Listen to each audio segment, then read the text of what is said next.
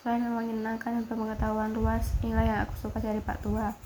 Dia pandai membaca raut wajah. Aku menelan ludah. Pak Tua pernah lalu luka puas? Sering, waktu aku masih muda. Tidak perlu sedetik, Pak Tua menjawab mantap. Aku bersorak dalam hati. Berapa jauh jaraknya, Pak? Jauh sekali, Bruno. Berkelok-kelok, beratus-ratus cabang, anak sungai, terus masuk ke pedalaman Kalimantan.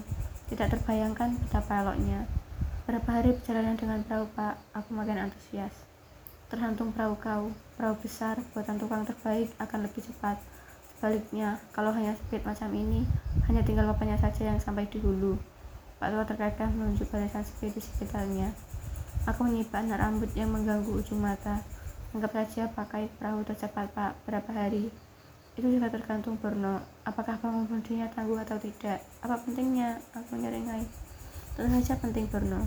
Untuk menuju hulu kapuas kau harus melintasi rimba lebat, hutan dengan binatang buas, lubuk-lubuk dalam, buaya buas, ular raksasa, belum lagi melewati perkampungan suku Dayak pedalaman.